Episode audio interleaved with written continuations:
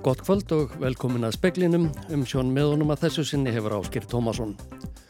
Karlmaður á 30 aldri hefur í átaða að hafa slegið vinnufélaga sinn þremur höggum með klaufhamri í höfuðið í sumar. Innviðar á þeirra vísar og bug fullirðingu stjórnar strætó um að stjórnvöld hafi ekki staðið við výlirði um verulegan fjárstöðning við fyrirtækið. Giorgia Meloni var í dag skipuð forsættisar á þeirra Ítalju fyrst hvenna. Steve Bannon sem styrði kostningabaróttu Donald Trumps hefur verið dæmdur í fjögur að mánuða fangelsi fyrir að vanvirða bandariska þingið.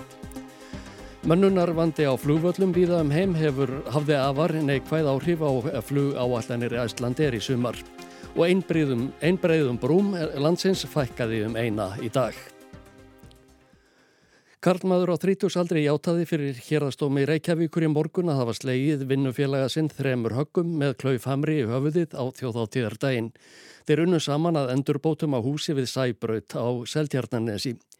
Maðurinn játaði einni að hafa slegið annan vinnufélaga einu hamars höggi í höfuðið sama dag. Hann játaði meiri háttar líkams árás en hafnaði tilraun til mandráps. Hann viðurkendi bótakröfu en krafðist lækkunar. Aðal með ferði í málinu fór fram í hérastómi Reykjavíkur í morgun. Læknir sagði slembilukku að fórnarlampið hafi lífað ára á sína af þar sem högginn lendi á stöðum þar sem hauskúpan er hvað þykust. Sækborningurinn og mennirnir sem urðu fyrir árásinni koma frá stríðshrjáðum löndum og framkom í vitnaleðslum að þeir glými við áfallastreituröskun. Sakborningurinn sagðist sjá eftir árásinni. Hann hefði ekki ætlað að drepa neitt, heldur viljað meiða og ná sér niður á mannunum sem eh, hefðu ógnað sér tveimur dögum fyrr. Innviðar á þeirra segist ekki skilja hvað stjórn strætó sé að fara þegar hún segi að ríkistjórnin hafi gefið vilirði fyrir verulegum fjárstuðningi en ekki staðið við. Ríkistjórnin veiti diggan styrk til byggðarsamlagsins. Alexandra Brím var að formaður stjórnar Strætós sagði í frettum Rúf í fyrradag að ríkið hefði gefið vilirði fyrir vænum styrk vegna axturs í COVID en lítið hefði verið um emdir. Sigurður Ingi Jóhansson er innviðar á þeirra. Fyrst vil ég segja að nummer 1, 2 og 3 að þá er strætórekstur, alminn samgöngurekstur innan sveitafélaga á höndum sveitafélagana og á ábyrð sveitafélagana og ríkið kemur þar hvergi nærri. Það kom beðni um það og við skoðum það og við styrtum strætóin hér á höfðborgarsvæðinu, styrtum ekki strætó í öðrum sveitafélagum. Sá stuðningur namn þeim stuðningi sem við erum að styrkja sveitafélagin, að keira á milli sveitafélaga, milli landsluta og namn held ég um 120 miljónum króna. Þar til viðbótar erum við með samning við strætó um að styrkja strætó um alltaf 1 miljard á ári. Þar til viðbótar höfum við verið síðan með í lofslagsmálum og orkuskiptum með stuðning við strætó fyrir hugaðan bæði nú og á næstu árum, alltaf áratug. Þannig að ég verði að segja alveg svo er að ég skil ekki þessu umræðu.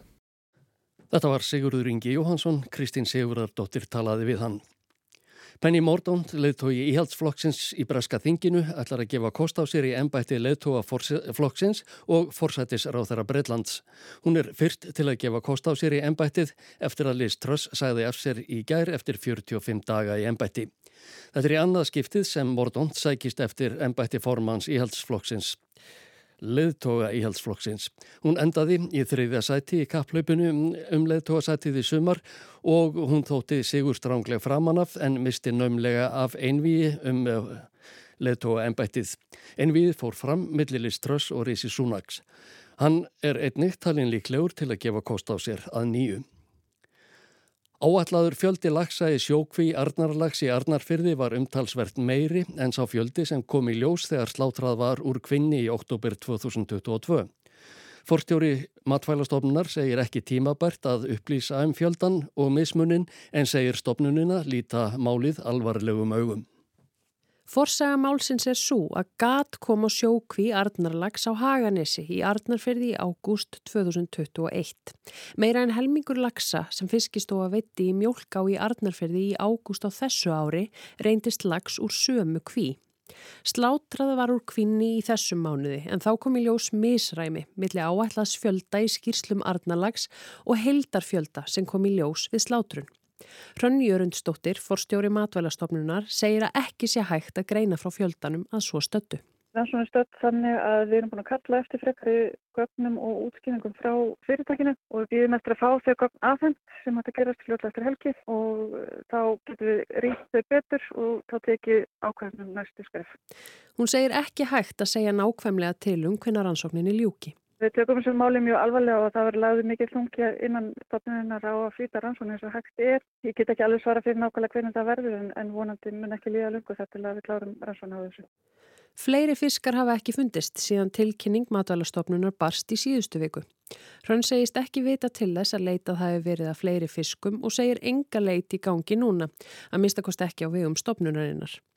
Arnarlags hlaut nýverið ASC-vottun fyrir eldistöð sína í Arnarfyrði. Með vottuninni skuldbindur eldistöðin sig til að draga úr áhrifum á vistkerfi í grendinni á ímsan hátt.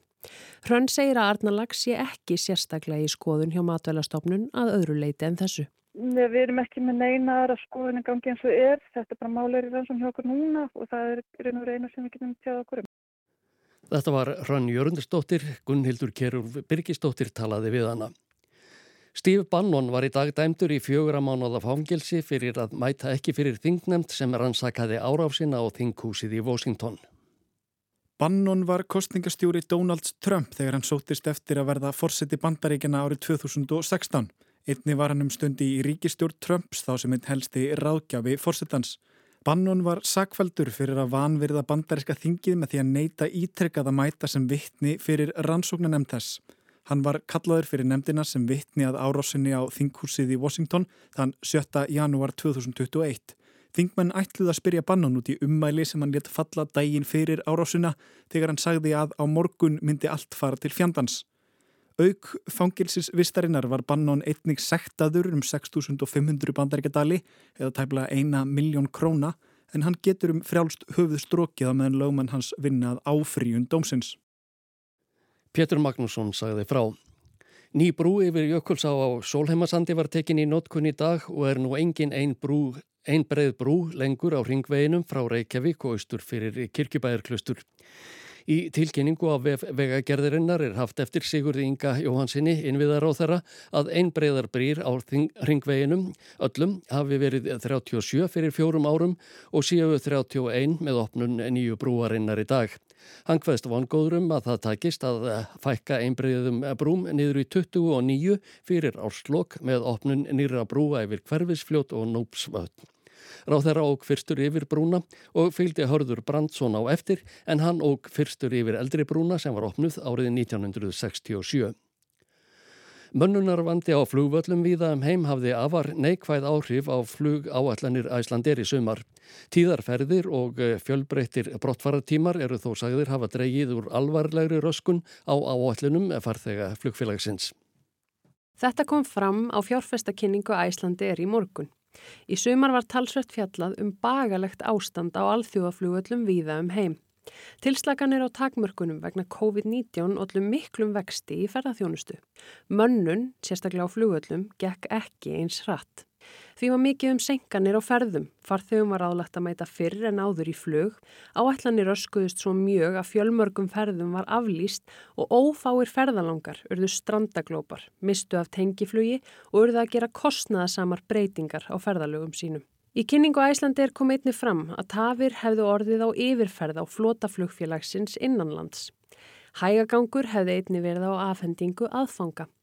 Þetta hefði valdið röskun á áætlun í innanlandsflugi. Æslandir stefnir á að fjölga Boeing 737 MAX flugvilum sínum úr 15 í 20 fyrir áslokk 2023. Reiknað er með að flugumferða Æslandir verði 98% af því sem hún var 2019 á síðasta fjórðungi þessa árs. Áfram verði áskoranir í rekstrarumhverfi og vaksta hækkanir og aukin kostnaður hafi líklega áhrif á eftirspurn. Bókunarstaða á fjórða ársfjórðungi er sögð stöðug þrátt fyrir óvissu í efnahagsmálum. Gunnhildur Kerúlf Byrkistóttir sagði frá.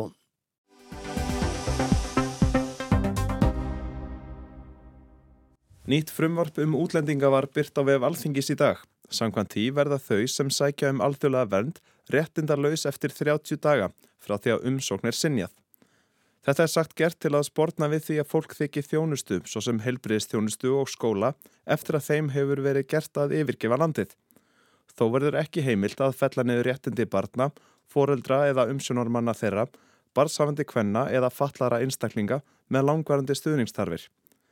Þetta frumvarp hefur verið talsvert í umræðina undanförnu, aðalega um hugmyndir þómsmálar á þeirra um móttökubúður fyrir flottafólk og til að ræða þessi mál eru hingað komin Jóhann Fredrik Fredriksson, þingmaður framsóknar og Ardís Anna Kristínadóttir Gunnarsdóttir, þingmaður Pírata.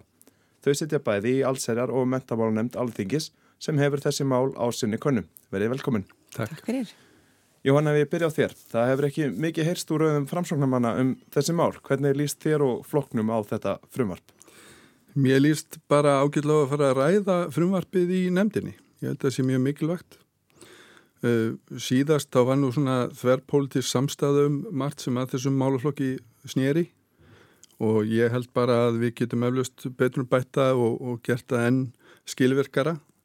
Um, mér finnst aftur um átti umræðan hafa verið svolítið háfleg uh, vanandi málaflokkin og kannski hefur smá áhyggjur af því en ég held að við í allsjórum mentamálunemnd munum bara já, taka okkur þetta verkefni og reyna að skila því vel.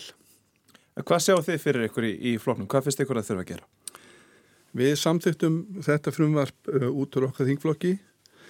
Uh, ég held að sé margt í því aðtiklisvert sem snýra því að reyna að taka utanum mögulega misnótkun á kerfinu að, samaskapi er við líka að, að horfa á hluti eins og nefndir voru hér í ingangi þar sem að e, fólk þá mögulega eftir ákveðin tíma missir réttindi. Ég myndi vilja skoða hvað fylgir í kjölfærið á því komandi úr sveitafélagi þar sem að mjög stór hópur hælisleitenda er í þjónustu bæði sveitafélagsins og ríkisins. Artís, hvernig kemur þetta frumvarp þér og ykkur í pýratum fyrir sjónir? Þetta er náttúrulega alls ekki nýja hrettir, þetta frumvarp er núna lagt fram í fymta skipti og það er kannski ekki mikið breytt núna, það er einn, ég myndi að segja kannski frekarstór breyting sem hafa gerða á þessu núna sem er væntal ástæðan fyrir því að sjálfstæðisflokkurinn hefur sér ástæðilega að setja fyrirvara við það. Aður leiti þá er þetta svolítið gömul saga og að mínu mati í ofanála við það að vera algjörlega gagslust frumvarp til þess að tekla þær áskoranir sem við stöndum fram með fyrir í þessum málum, þá er það í rauninni bara svolítið úrelt Þetta, er, þetta eru hugmyndir sem að komi fram hérna fyrst fyrir einhverju fjóru-fimm áru síðan. Það eru ekki þessi hlutir sem að eru, eru brínasta þörfin á að breyta akkurat núna. Hver eru þær? Hver er það að breyta? Það sem að, uh, það er áskonur sem stöndu fram með fyrir, snúa fyrst og fremst að innviðunum.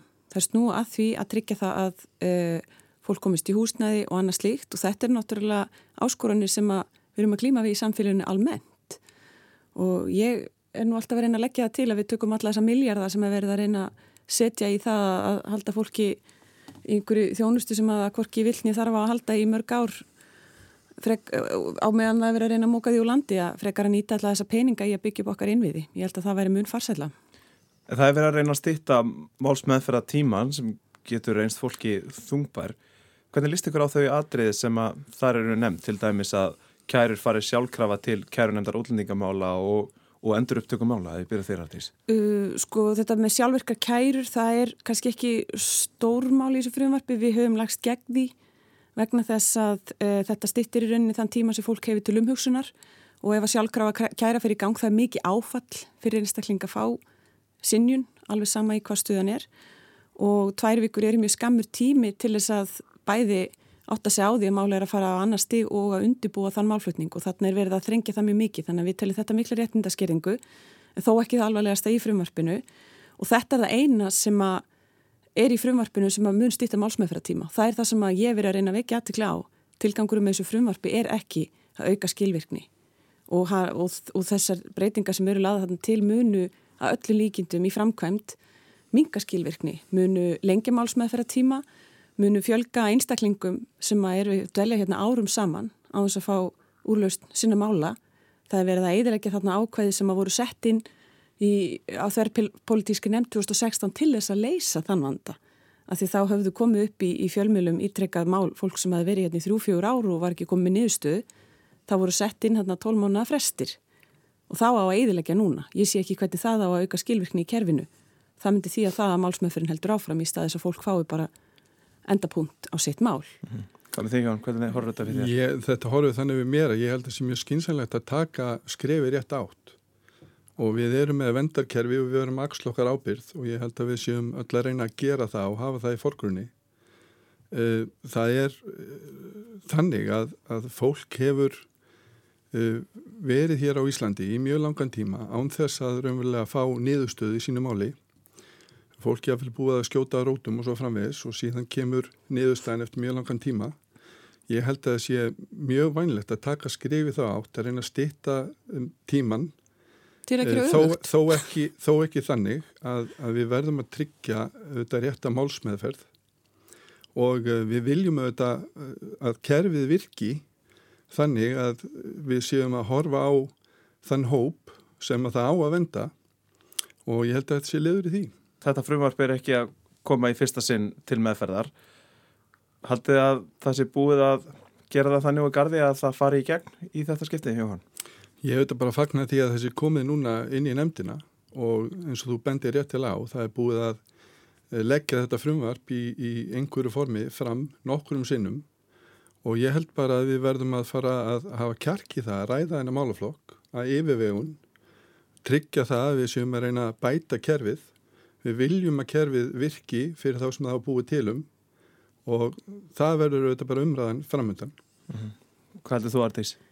Uh, Það er náttúrulega ekki komið inn í nefnd máli, það er ekki búið að mæla fyrir því á þinginu, það fer ekki inn í nefnd fyrir, fyrir þvílókið, en ég að þvíletinu til tek undir með Jóhanni, ég hlakka til að ræða þetta í nefndinni, vegna þess að ég held að nefndamenn munu öll sjá þegar við erum búin að fara yfir þetta, gömgefilega, að þetta er ekki, þetta er ekki að fara að leysa neinn vandamál og þetta er enga veginn skrifir rétta átt eins og, eins og Jóhann talar um. Ég hef trú á því að nefndi muni sjá það, ég hef ekki trú að þetta frumvarp fari gegn.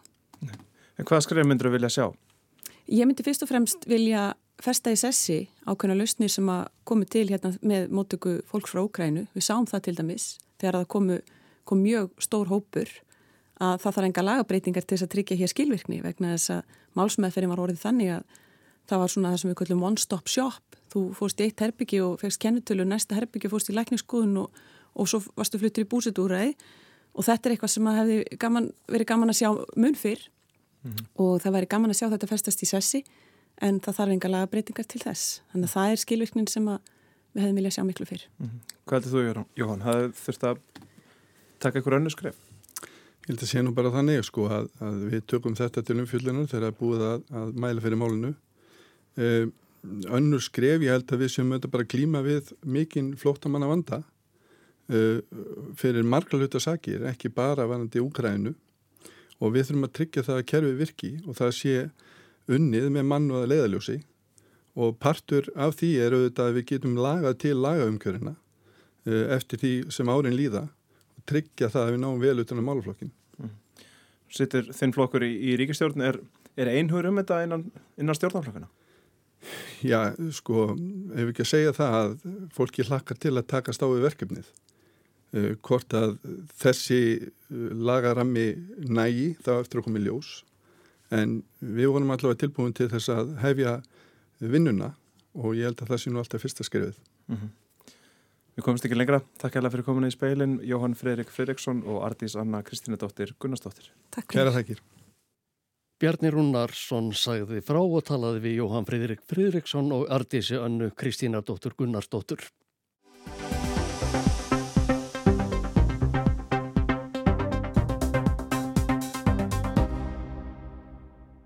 Giorgia Meloni var í dag skipuð forsætisráð þeirra Ítalíu fyrst hvenna. Hún hjælt sér des á fundu Sergios Mattarella forsetta sem fól henni að taka við stjórnartaumunum. Áður hafði hann rætt við forsetta begja þingdelda og leiðtóa allra stjórnmálaflokka sem náðu fólki á þing í kosningunum fyrir tæpum mánuði. Flokkur Meloni, e, bræðralag Ítalju, vann stór sigur í þingkosningunum, hlaut 26% af fylgi. Hún lísti sig reyðubúna til að taka við forsætisráþara ennbættinu þegar úrslitin lágu fyrir. Síðan hafa staðið yfir samninga viðræður við tvo hægri flokka, bandalagið og áfram Ítalja sem hvorum sig fekk um það byl 8%. Leittóar flokkana, þau Meloni, Silvio Berlusconi og Matteo Salvini heldu í morgun á fund forsettans og tilkynntu honum að þau hefðu náð samkumlagi um stjórnarmyndun. Meloni kynnti ráþara lista sinn undir kvöld. Matteo Salvini verður aðstóðar forsætisráþara og innviðaráþara. Antonio Tajani verður einnig vara forsætisráþara og hefur jáfnframt utanrengismálinn á sinni konnu en sérstaka aðtikli vekur að Giancarlo Giorgetti verður efnahagsmálaráþara. Hann gengdi einnig því ennbætti í fráfarandi ríkistjórn Mario Strakís. Ráþærarnir sverja ennbættis eð klukkan tíu í fyrramálið. Eftir helgi fer hinn í forsættisráþara fram á trösts yfirlýsingu þingsins. Það er nánast formsatriði þar sem flokkarnir þrýr hafa tröstan meiri hluta í báðum tingdeldum. 237 þingmenn á móti 162 í neðri deldinni og 112 á móti 81 í senatinu þeirri efri. Nýja ríkistjórnin er svo 60. á 8. á síðastlinum 76 árum, það er að segja frá lokum síðri heimstýraldarinnar. Hún er sagð vera svo hægri sinnaðasta á Ítalju frá því að fasista stjórn Benítós Mussolinis hvar frá völdum í stríðinu. Flokkur fórsættis ráþarans á rætur í fasistarhefingunni og hinnir tveir eru rækilega til hægri. Á unglingsaldri lísti Giorgia Meloni yfir aðdán sinni á Mussolini en sagði síðar að honum hefðu orðið á ímis mistök á valdatíma sínum. Í kostningabaróttunni kom fram að meðal helstu stefnumála Meloni er að lækka skatta, spórna við því sem hún kallar lobbyistma hins egin fólks og að loka landamærum fyrir ströymi innflytjenda með því meðal annars að beita ítalska flótanum til að stöðva ströym flótafólks frá Líbíu. Meloni stiður aðild ítalað Evrópusambandinu og Allandsafsbandalæginu. Hún vil ekki yfirgefa Evrusvæðið en segir breynt að færa meira vald heim til Rómar. Já, framt vill hún endur semja um miljardabjörgunarpakka Evrópusambandsins fyrir Ítalju vegna afleðinga koronaviru faraldursins. Björgunarpakka sem Ítalir fengu þó mest allra ríkja úr. Hennar og stjórnarinnar býða mörg erfið verkefni, engum á efnahagsviðinu. Heimsfaraldurinn hefur leikið Ítali grátt og sömulegðis afleðingar innrásar rúsa í Úkrænu. Alþjóða gjaldirisjóðurinn gerir ráð fyrir að efnahagskreppa verði á Ítalju á næsta ári. Þrátt fyrir að bræðralag Ítalju, áfram Ítalja og bandalagið hafi náð samkúmulagi um stjórnarmyndun greinir leðtóna á um eitt og annað. Formaður eins stjórnaranstöðu flokksins fullirti reyndar í viðtali í gær að þeir væri ekki sammála um neitt. Það sem mesta aðtikli hefur vakið er afstæða þeirra til Ukrænustriðsins og Vladimir Putins forsetta. Giorgia Meloni hefur líst yfir eindreginni andstöðu við framferði rúsa. Berlusconi er á öndverðum meði og nýlega kom fram upptaka frá fundi hans með innanbúðarmönnum í áfram Ítalija þar sem hann lofsamaði Putin og sakaði Ukrænumenn um að hafa átt upptökað stríðinu. Berlusconi og hans menn fullir að orðans hafi verið slitinn úr samhengi. Matteo Salvini er einnig sagður hallur undir Putin og margóft hafa líst yfir aðdáan á verkunum hans. Emmanuel Macron, fraklandsforseti, verður mögulega fyrstur erlendra þjóðarleðtoga til að hitta hinn nýja forsætisráþara Ítalju. Hann verður í Rómarborg á sunnudag og mánudag þar sem hann ræðir við Mattarella forseta og Frans Páva. Forsetarskrifstofan í París segir að fundur með Giorgio Meloni sé ekki á dagskrá en það kunni að breytast.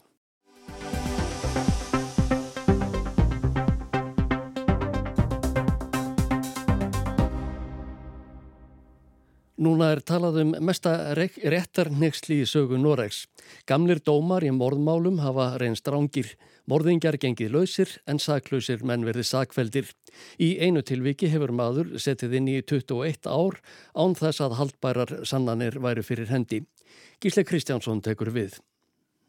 Eftir 21 ár í fangelsi fekk Viggo Kristjánsson þannan bóðskap frá ríki saksóknar í Noregi nú síðdegis at jeg vil be Borgarting lagmannsrett om å frifinne Viggo Kristiansen i gjenåpningssaken. At det samlede etterforskningsmaterialet klart ikke gir bevismessig grunnlag for straffeforfølgning av Kristiansen for de forholdene som han ble dømt for. Jeg vil byggja réttin að síkna Viggo Kristiansen vegna þess að sönnunagögnin duga augljóslega ekki til að sakfella hann, sagði Jörn Sigurd Morud, ríkisaksóknari, Niðurstöðu hefur verið beðið í hálft annað ár nú eftir að krafa um endur upptöku fekk loksins samþygt. Þar með verður mál hins dæmda lagt fyrir dóma nýju með kröfu um síknu að hálfu ákjæruvaldsins. Þetta er niðurstaða sem minnir á umtölu gerfins og guðmundarmál á Íslandi. Sönnunargögnin eru haldlaus og duga ekki til dóms. Að baki þessari niðurstöðu líka ítrekkaðar kröfur um endur upptöku alls sjösinnum og það var fyrst nú að ákveði var að skoða öll sönnunagögna nýju og nú í nýju lögreglum dæmi. Við fyrir rannsókn tóttu DNA spór benda til að tveir menn hefðu verið að verki við morð á tveimur ungum stúlkum í Kristjansand í Suður Noregi. Yfirvöld töldu að Viggo Kristjansen kemi einn til greina sem samverkamaður félaga síns við morðin. Nú þykir sannað að DNA sínin höfði í tveimur tilveikum mengast af DNA frá einum þeirra sem tók sínin. Mikilvægasta sannunagagni var því úr sögunni. Það var bara einn morðingi. Þá þykir núna sannað að farsími Viggo Kristjánsons var ekki á morðstafnum á þessum tíma. Viggo saðist að verið heim og haft síman hjá sér. Nú þykir sannað að þetta er rétt. Símin var heima og notaður þar á þessu tímabili. Þar með var hitt sannunagagnið úr sögunni líka. Aðeins var þó eftir framburður manns sem sannarlega var við morðin og hans býður nú nýtt dómsmál vegna tvöfaldsmorðs. Þetta er í annað sinn á nokkrum dögum sem gömul og óupplýst morðmál eru tekin upp að nýju hér í Nóriði. Fyrir fáum dögum var gefin út ný ákjara vegna morð sem framið var árið 1995. Það var morð á ungri stúlku að nafni Birgitte Tengs. Bæði þessu dómsmál hafa fyllt þjóðin í meirinn 20 ár Morðin hafa verið umræðu efni með kröfum um að allt verði rannsakaða nýju og að lögreglu hafi orðið á alvarleg mistök við rannsókn á sínum tíma. Stöðugar evasemtur um að dómar væri réttir og sönnunagögnin rangtúlkuð. Í máli Birgitte Tengs var frændi hennar dæmdur fyrir morðið eftir hjáttningu í kjálfar langvarandi einangrunar og yfirheilsna. Gísli Guðjónsson réttargeðlagnir síndi svo fram á að hjáttningin væri fölsk. Þá var frændin síknaður en eftir sem áður dæmdur til að greiða miskabætur því sönnunar byrði í bótamálum er minni en í morðmálum. Hinn síknaði er því eftir sem áður segur. Núna er hins vegar búið að skoða DNA sína nýju og búið að finna nýjan líklegan morðingja. Í báðum þessum morðmálum er lögregla gaggrínt fyrir að hafa komist að niðurstuðu of snemma og hort fram hjá mikilvægum vísbendingum. Viggo Kristjansen þótti fremur ítla þokkaður ungur maður í sínum heimabæ. Þess vegna þótti einsýnt að hann var í segur og öll gögn tólkuð honum í óhag. Líklegur morðingi og það eina sem vantað upp á voru sönnanagögnin. Núna taka svo við nýjar kröfur um bætur fyrir rangadóma. Fangavist upp á 21 ár getur einst ríkinu dýr.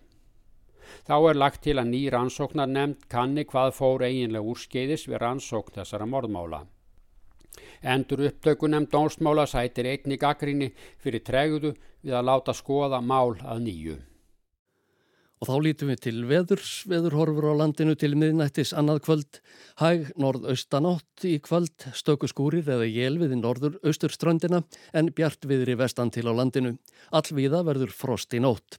Suðulega áttu 3-8 metrar á sekundu á morgun, dáli til væta sunnalands þegar kemur fram á daginn en bjart norðan heiða. Hiti verður 0 til 7 stig en vægt frost í einsveitum á norðausturlandi. Það var helst í speklinum í kvöld að Karl Madur og 30 aldri hefur játað að hafa slegið vinnufélaga sinn þremur höggum með glaufhamri í höfuðið. Innviðar á þeirra vísar á bug fulleringu stjórnar strætóum að stjórnvöld hafi ekki staðið við vilirði um verulegan fjárstuðning við fyrirtækið. Giorgia Meloni var í dag skipuð forsættisera á þeirra Ítalju, fyrst kvenna. Steve Bannon sem styrði kostningabarutu Donalds Trumps hefur verið dæmdur í fjögur að mánuða fangelsi fyrir að vanvirða bandariska þingið. Mönnunarvandi á flugvöllum viða um heim hafði afar neikvæð áhrif á flugáallanir Æslandir í sumar. Teknimaður var Mark Eldredd, útsendingu styrði Ingi Björg Sara Guðmundsdóttir, verið sæl og góða helgi.